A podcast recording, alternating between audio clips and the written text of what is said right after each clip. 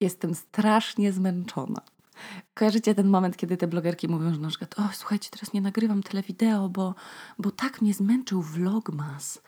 I to gówno kogoś obchodzi, bo to jest twój głupi obowiązek, żeby jak już sobie zadecydowałeś, że robisz kanał na YouTubie, no to to jest twój obowiązek, żeby usiąść na dupie i nagrać ten film. Nieważne, czy zrobiłaś 69 filmów w grudniu, to musisz zrobić filmy też na styczeń.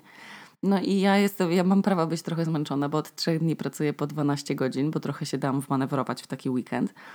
E, I e, w piątek się, z piątku, nie, sobotę nie na niedzielę się nie umyłam, bo już nie miałam siły i, i poszłam spać na brudasa i dopiero umyłam się rano.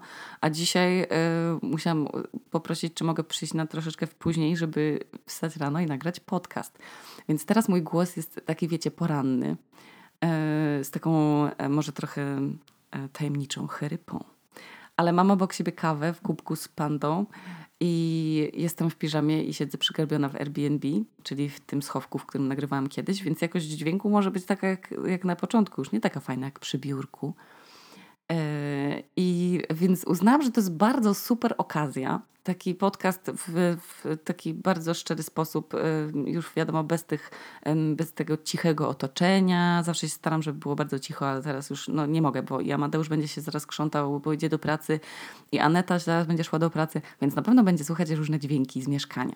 Więc uznałam, że to jest super podcast, ponieważ będziecie się czuli, jakbyście byli u mnie w domu, albo bylibyście, nie wiem, ze mną gdzieś tutaj y, obok, prawda? Jakby to wcale nie były te tysiące kilometrów, które nas dzielą. I na przykład będę sobie teraz z Wami piła kawę i będę e, no, w tym podcaście, a zaraz Wam powiem, o czym będzie podcast, tylko napiję się kawy. Śmieszne, można pomlaskać do mikrofonu. Dobra, ogólnie na YouTubie bardzo jest popularny taki e, cykl ileś tam faktów o mnie. No i jako, że za reklamę mi został taki kreatywny recycling różnych pomysłów innych ludzi, to zapragnęłam podzielić się z Wami także faktami o mnie. Ale przecież to jest głupie. To jest durne, żeby sobie tak wynotowywać fakty o sobie. Więc uznałam, że po prostu zapytam moich znajomych, żeby to oni dostarczyli mi fakty o mnie. Żebym zrobiła tak, tak jak te blogerki.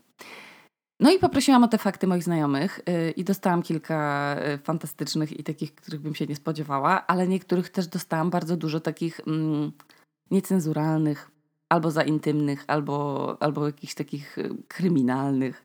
Więc musiałam dodać kilka faktów od siebie i no, no, no co, no żałosne. Żałosne. No ale nie byłoby wtedy tam, wiecie, ileś tam faktów o mnie, tylko by było na przykład dziewięć, bo moi znajomi nie za bardzo chcieli się zabawić ze mną w tę grę o faktach. No w każdym razie, tak jak u blogerek, będą to rzeczy, które absolutnie nikogo nie interesują. E, I interesują pewnie tylko mnie i moich e, najbliższych znajomych. Ale, ale może, może odnajdziecie tam akurat, wiecie, kawałek siebie. Zobaczymy. Zaczynam. Dzisiejszy podcast to będzie 20 faktów o mnie. Po pierwsze, nie mogę znieść chrapania. I kurwa, była kiedyś taka sytuacja, że razem z grupą koleżanek mm, e, po mojej pierwszej e, agencji reklamowej, nazywamy siebie włosomaniaczkami, lubię to, to pojechałyśmy sobie do Krakowa na wernisaż jednej z tych włosomaniaczek, takiej Asi. Bardzo polecam w ogóle, nazywa się Asia Wojniłko i robi przepiękne, yy, przepiękne grafiki. I to był super dzień i wydałyśmy w ogóle masę siana na kosmetyki jakieś pierdoły, jedzenie, no, no było super. I Kraków piękny. I słuchajcie, wynajęłyśmy Airbnb, które okazało się chyba jakimś, nie wiem, salonem fryzjerskim przerobionym na spanko. Nie, nie wiem, no, nie wyglądało to tak jak na zdjęciach, no, wyglądało to zupełnie inaczej. I było tam pięć łóżek w jednym pokoju, takich zrobionych na, na takich mm, na europaletach. No, w ogóle tam było wszystko najtańsze, co można kupić w Ikea. Taka najtańsza pościel, naj, najpłaszczsze poduszki. No wszystko tam było najgorsze. I na jednym z tych łóżek spała Niemira. Na dwóch łóżkach nie spałyśmy ja i Koka, bo nie dało się spać z tym chrapaniem Niemiry. Ja w ogóle w życiu nie słyszałam czegoś takiego. To, to, co więcej, nasze inne koleżanki w ogóle nie miały z tym problemu i spały. A ja próbowałam w ogóle wszystkiego. Muzyki na słuchawkach, spania w przedsionku na, na fotelu. No, no chuj się nie dało. No i w końcu Koka powiedziała, ej weź, może zrobimy spierdolkę i kupujemy bilety po prostu na pierwszy poranny pociąg. No i tak zrobiłyśmy. Wyszłyśmy w środku nocy na ten pociąg zamówiliśmy taksówkę, spakowałyśmy się po ciemku i wróciłyśmy pierwszym pociągiem do Warszawy, jaki był. I najśmieszniejszy jest komentarz Niemiry w tej sprawie. Postaram się, yy, znaczy nie odtworzę nigdy oczywiście tonu yy, Niemiry, ponieważ yy, to jest nie do podrobienia. Mam nadzieję, że Niemira kiedyś wystąpi w moim podcaście. Oto komentarz Niemiry. Aśka, sama chrapiąc jak słoń, pojechała ze mną do Krakowa w środku nocy i wróciła do Warszawy, bo nie mogła znieść mojego chrapania. Księżniczka na Boga. Więc dokładnie to napisała Niemira. Jest to super fakt, bo przypomina mi o tym wyjeździe i o tym, jak było fajnie. I co więcej, niestety zdarza mi się też chrapać. I Amadeusz ma zawsze telefon pod ręką i mi nagrywa moje chrapanie, a później mnie szykanuje tymi nagraniami i mnie znieważa. Bo ja nie wierzę nadal, że ja chrapię. I ja nadal to wypieram. To jest w ogóle bardzo rzadkie musi być. Dobra, łyczek kawy. Dobra, fakt drugi. Kilka osób, to jest w ogóle bardzo ciekawe. Kilka osób napisało mi, że się mnie bało na początku, gdy mnie widzieli bo mam dużo tatuaży i dużo przeklinam i paliłam kiedyś bardzo dużo papierosów, bardzo dużo papierosów. Słuchajcie, od razu sobie wyobraziłam siebie jako Agnieszkę Chylińską. Ale potem mi się przypomniało, bo ja się bałam Agnieszki Chylińskiej, jak byłam mała, to też jakiś dodatkowy fakt. Ale potem mi się przypomniało, że w zasadzie tak w sumie kiedyś było, no. I, i mogłam sprawiać takie wrażenie. Zwłaszcza, kiedy byłam w jakimś takim zdenerwowaniu, a pracując w Warszawie w reklamie, zdenerwowałam się bardzo często i byłam bardzo sfrustrowana tą pracą. I jeszcze wtedy nie wiedziałam w ogóle tego, co wiem teraz, że, że to, to tylko praca. No więc mogłam być dość e, czasami dla niektórych ludzi niemiła, albo wręcz, wręcz mogłam ich terroryzować. Bardzo za to przepraszam. Ale ci sami ludzie napisali mi, mi, że potem jak mnie poznali, to okazałam się w ogóle zupełnym przeciwieństwem. I uwaga, dostałam takie komplementy, że się aż w ogóle cała czerwienie i ich nie zacytuję, ale ludzie uznają mnie za mądrą, dojrzałą i za piękną osobę, co jest absolutnie za dużo komplementów jak na jedną osobę o poczuciu wartości równym jakieś 10 na 100, ale to miłe. Nawet jeśli to była nieprawda, to jest miłe. Nawet jeżeli ludziom napiszecie, ej, słuchaj, jesteś taki mądry i w ogóle, i to nie jest prawdą, i będziecie troszkę im kłamać, to to i tak zostaje u nich w głowie i tak sobie myślą oni, o, może tak jest, może tak nie jest, ale to i tak jest miłe. Lecimy dalej. Fakt trzeci. Trzeci łyk kawy. Co za nietypowy podcast. Dobra, fakt trzeci. Nienawidzę kurwa robić prania. Nie znoszę tego nienawidzę. Pranie zabiera za dużo czasu, trzeba to sortować, robić, potem wieszać te zimne skarpety. Jak wyciągacie z pralki rzeczy, to one są taką jedną wielką kurwa masą rzeczy, kulą tego prania. Nienawidzę w ogóle, że to się rozpada, spada na podłogę od razu. Ja nie, nie mam cierpliwości do tego, serio. Bo jeszcze dodatkowo trzeba to, na to pranie czekać i o nim nie zapomnieć. Potem trzeba czekać, aż ono wyschnie sortować to znowu, kurwa, zmusić, żeby, żeby to wkładać w odpowiednie miejsca, a nie tak, wiecie, jednąć w środek szafy po prostu i, i tą nogą dopchnąć. I zdarza mi się, zdarza mi się włączyć jeszcze na no, płukanie, jak widzę, że się pranie skończyło, a nie chcę mi się go wywiesić. I wiem, że to na maksa nieekologiczne i leniwe, ale tak mam, odkąd ktoś mi powiedział, że on też tak ma. Czyli ja się dowiedziałam w ogóle o tym jakiś czas temu, że jest jakiś leń, i ja robię tak samo teraz i to jest fatalne. I opanowałam teraz na przykład sztukę nieprania bielizny. I zanim się przerazicie, to Wam w ogóle wyjaśnię o co chodzi. Jak robię takie gruntowne pranie raz w miesiącu, no oczywiście nie robię jednego prania w miesiącu, tak? Robię ich więcej, tylko chodzi, że to jest takie gigantyczne pranie raz w miesiącu. No bo po prostu zgromadziłam już taką potężną kolekcję bielizny i t-shirtów, żeby nie musieć w kółko prać to jak zrobię to ogromne pranie, to segreguję sobie od razu gacie i skarpetki w szufladzie kolorami. Tak jakbyście wkładali je do pralki. I najpierw zużywam ciemne gacie i skarpety, a jak one się skończą, to od razu są do prania. Od razu już są same posortowane, bo mam tylko czarne. I wstawiam je do pralki, a zabieram ze sobą, y, a zabieram się za noszenie y, tej jasnej bielizny. To jest genialne w ogóle, genialne. W czasie, kiedy noszę jasną bieliznę, czarna se schnie i trafia do szufladki i nie muszę potem znowu gromadzić tego dużego prania, tylko sobie robię takie malutkie kolorami. Doskonały pomysł. Nie, nie wiem, jak na to wpadłam. Myślę, że to jest kolejny startup, który wymyślam. Po prostu jeszcze nie wiem, jak to sprzedam. Kolejny fakt. To już chyba będzie, który tam fakt? Fakt, fakt czwarty.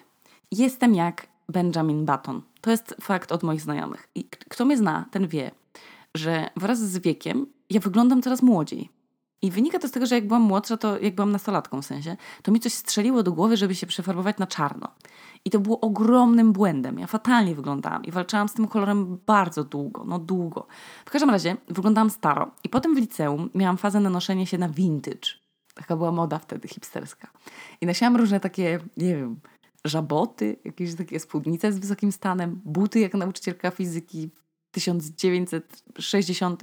Skórzane torby mojej mamy z lat młodości. No ogólnie, no moim zdaniem, no nie wyglądałam źle, tylko wyglądałam kurwa faktycznie no staro, no.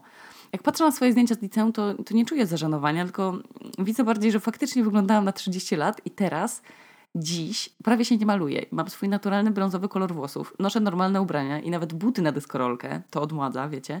I wyglądam już młodziej teraz niż kiedyś. I wszyscy Wam to potwierdzą, że to jest fakt, który najczęściej się powtarza. Ja młodnieję.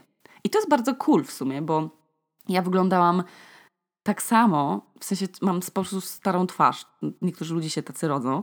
E, ja wyglądałam staro już jak miałam 13 lat mm, i jak na przykład chciałam kupić papierosek, miałam 14 albo 15. Boże, co za patologia w ogóle, jak ja o tym myślę teraz, co za horror.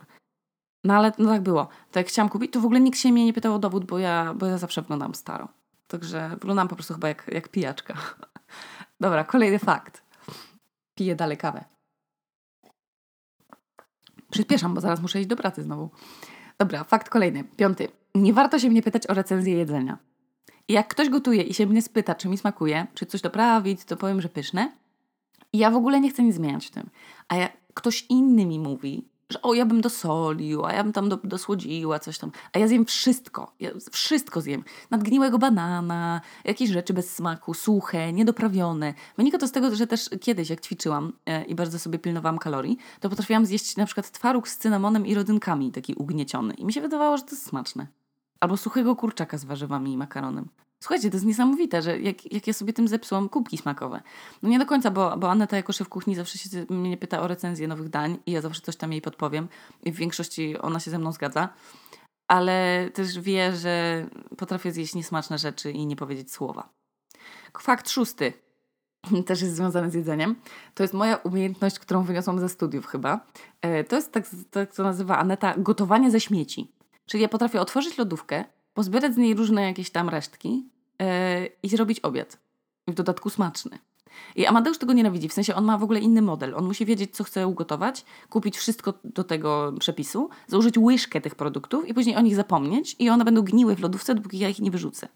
A ja mam tak, że zbieram wszystkie te różne niedokończone rzeczy, te, te warzywa, jakieś sosy, cuda tam i robię z tego obiad albo kolację i nie mówię nikomu, że one są ze śmieci z lodówki. I wszyscy mówią, no smaczne.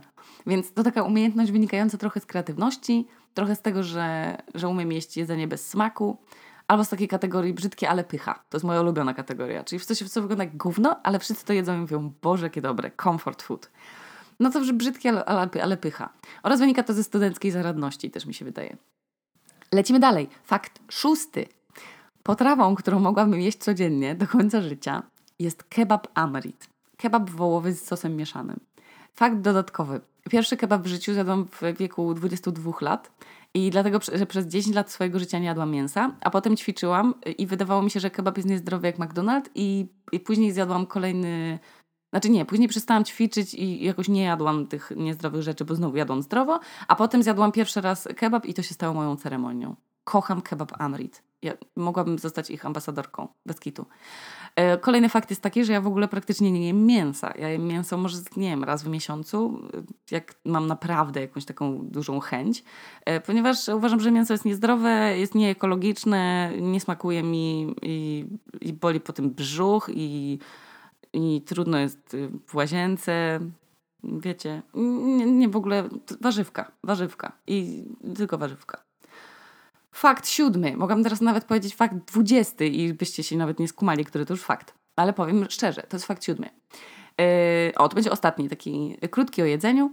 To jest to, że ja nie umiem upiec chleba bananowego. Ten chlebek bananowy to jest jakiś najbardziej banalny przepis świata. To umie, umie upiec nawet białuch arktyczny, bez kitu, małpa każda.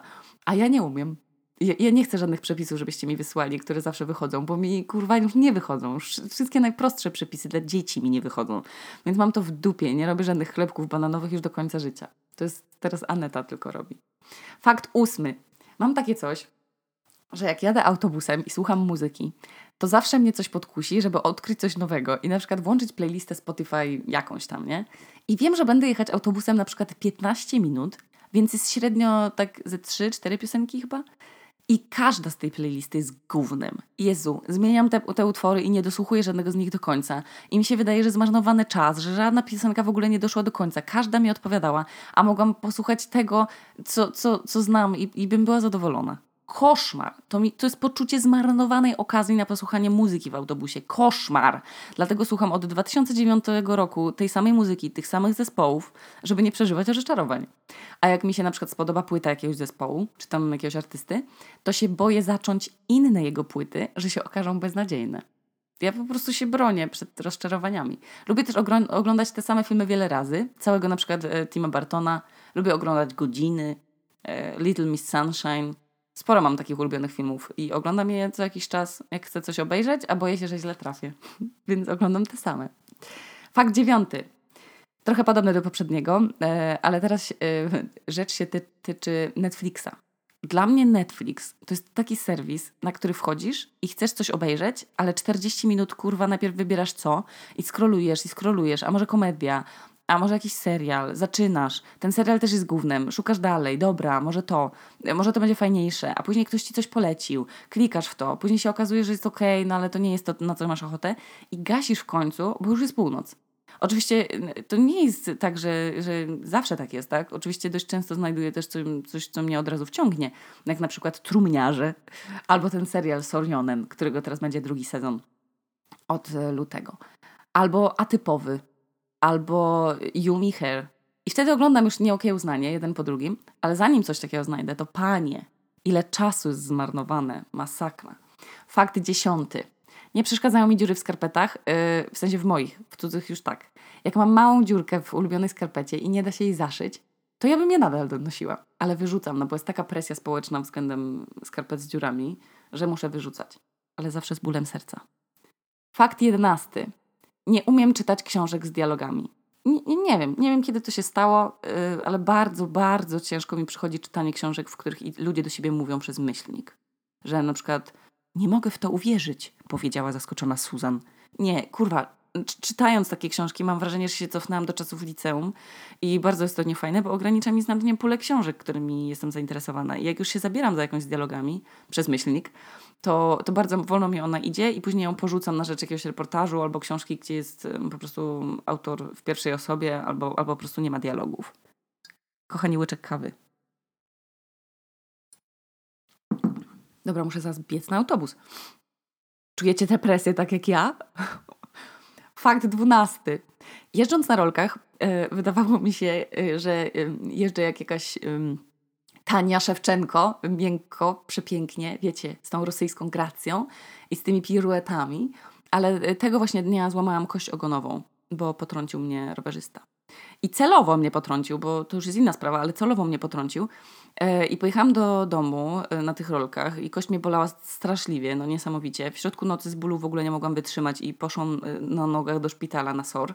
Zrobiono, zrobiono mi prześwietlenie tej miednicy i pan powiedział, że w życiu nie widział tak dziwnie złamanej kości. I dał mi tramal, po którym w ogóle nie wiedziałam, co się dzieje. Byłam na, jak naćpana kompletnie. Kazał mi siedzieć na poduszce specjalnej takiej i czekać, aż zrośnie. I zanim się zrosła, to tak na dobre, to minęły dwa lata. Przez te dwa lata kość ogonowa bolała mnie przy każdej jeździe autobusem, samochodem, podczas każdego siedzenia na miękkiej powierzchni, y, na twardej powierzchni. No ogólnie koszmar, no nikogo, nikomu nie życzę tego przeżycia i tego bólu. Mało tego, ten pan lekarz powiedział, mm, że ten, to moje złamanie nazywa się ogon diabła i że y, tam było tyle odpęknięć tej kości y, ogonowej, że on powiedział, że ona, jak, nawet jak się zrośnie, to jeżeli będę rodzić naturalnie kiedyś, to ona na nowo mi pęknie. Czyli na nowo będę musiała przeżywać to samo piekło. Dziękuję. Fakt trzynasty. Nie lubię kawałów i stand-upów. Jezu, słuchajcie, ogólnie wszystkie okazje, gdzie ktoś mi się każe z założenia śmiać. To jest dla mnie tak niekomfortowe. Ja mam takie ciarki, chcę uciekać, nie, nie chcę być w tej sytuacji. Stand-upy to jest w ogóle u mnie wywołują presję śmiania się i, i wprawiają mnie w taką jakąś nie wiem, katatonię. Wolę ukryty humor, albo absurdalny humor, albo rzeczy, które mają być nieśmieszne, a mnie śmieszą. I taki humor to jest właśnie humor nowozelandzki, który bardzo lubię. E, taki jak właśnie w Flight of the Concords serialu, albo właśnie Co robimy w ukryciu w tym filmie. To jest właśnie tego sam, tych samych twórców, więc Więc jakby, albo w trumniarzach. To jest ten, ten, ten humor, który lubię. Fakt czternasty. Nie umiem rozwiązywać sudoku. Kurwa, słuchajcie, nie umiem rozwiązywać nawet takiego sudoku, który moja mama daje do rozwiązywania ośmiolatkom. Ja nie umiem tego robić, bo, trzeba, od razu mi pod wychodzi na skroni. W ogóle nie umiem się na tym skupić. Pojąć, od czego tam trzeba zacząć, jak te liczby mają się sumować. Kurwa, no nie umiem tego w ogóle zrozumieć, jak ludzie mogą rozwiązywać sudoku dla rozrywki.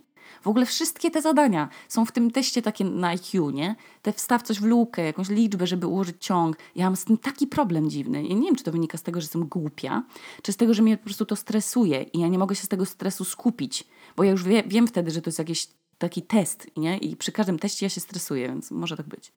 Fakt 15. Zdałam prawo jazdy niesłusznie. W sensie, ja wiem, że to, no, nie zasłużyłam na to. I, I byłam ostatnia w kolejce na egzaminie i wszyscy oblali, a ja przeszłam dalej. 13 razy zgasł mi silnik. Popłakałam się, ale wiecie, nie tak, że tak płakałam, tylko miałam zaciśnięte zęby i mi leciały łzy. I tak tylko mrugami, one tak kapały na te kolanka biedne. I nie umiałam zaparkować równolegle, a potem, wracając już na placyk, wiedziałam, że oblałam, więc jeszcze strąciłam już z premedytacją dwa pachełki. I jak już zapłakana wysiadałam z tego auta, już w ogóle bez podziękowania, to pan się zapytał, czy ja nie biorę tego kwitu. Ja mu powiedziałam, że na po co, skoro nie zdałam. A on powiedział, że zdałam. Słuchajcie, no żyjąc ze świadomością, że ten dokument mam kompletnie przypadkowo, mimo że na jazdach mi zajebiście szło i naprawdę dobrze jeździłam, jeździłam super, to po tym egzaminie fatalnym y, nie wierzę, że umiem prowadzić i użyłam tego prawka od 7 lat trzy razy, przejeżdżając w sumie jakieś 10 kilometrów. E, I, I wynika to pewnie z tego, ten zepsuty egzamin, że po pierwsze się zestresowałam, po drugie e, cały jakby kurs prawa jazdy robiłam na gazie, a później jeździłam na benzynie, ten egzaminacyjny jest na benzynie i ktoś mi powiedział, że dynamika auta jest zupełnie inna, więc ja w to wierzę. Nie, nie że ja jestem beztalenciem po prostu, tylko że tak e, to wina auta. I jeszcze była taka duża presja, bo wszyscy inni oblewali, a ja byłam ostatnia, więc już jakby z góry wiedziałam, że, że obleję. Nie wiem, w każdym razie mam to prawo jazdy, mogłabym jeździć, nie pamiętam już żadnych znaków drogowych, nie pamiętam już żadnych zasad ruchu drogowego. Islandia jest najbezpieczniejszym miejscem chyba do jeżdżenia, bo, bo tu nikogo nie ma, nikt tu prawie nie jeździ, więc y, mogłabym teoretycznie jakoś tam dać sobie radę i jechać i, nie wpaść do rowu. Tak myślałam. Ale później Amadeusz y, musi mi cały czas trzymać kierownicę i, i gdyby nie on, to już byśmy dawno na fiordach zachodnich gdzieś spadli z klifu bo nie umiem w ogóle, takie wiecie, tej zachować odległości pomiędzy brzegiem drogi a, a trasą, a drogą. Także no coś tu jest nie tak. No niby mogłabym pójść jeszcze raz na kurs do szkoły albo jakieś jazdy i ja bym teoretycznie chciała to zrobić, ale ja i tak by się bała sama prowadzić auto, więc, e, więc tego nie robię. No. Fakt 16 albo 17, pogubiłam się, nie wiem. Nie umiem pływać. Nie umiem pływać, mimo że chodziłam na zajęcia z pływania i wszyscy się już tam nauczyli. Umiem pływać tam, gdzie mam grunt. Czyli gdzie grunt się kończy, to już nie mogę złapać tchu i mnie wszystko boli i się kładę na plecy i dryfuję tak na powierzchni wody jak zwłoki, czekając aż ktoś mnie uratuje. Nie podpływam wtedy, yy, znaczy nie no, podpływam wtedy tam, gdzie mam grunt i mi marzę o tym, żeby się nauczyć pływać, ale zupełnie nic w tym celu nie robię. Tak jak z prawem jazdy. To jest, to jest w ogóle moja metafora życia, że widzisz, że inni wszyscy pływają, i im świetnie idzie w życie. Ale po prostu wszyscy stoją na palcach i udają, że umieją pływać i nie toną. Ale fakt jest taki, że naprawdę nie umiem pływać. Kawa.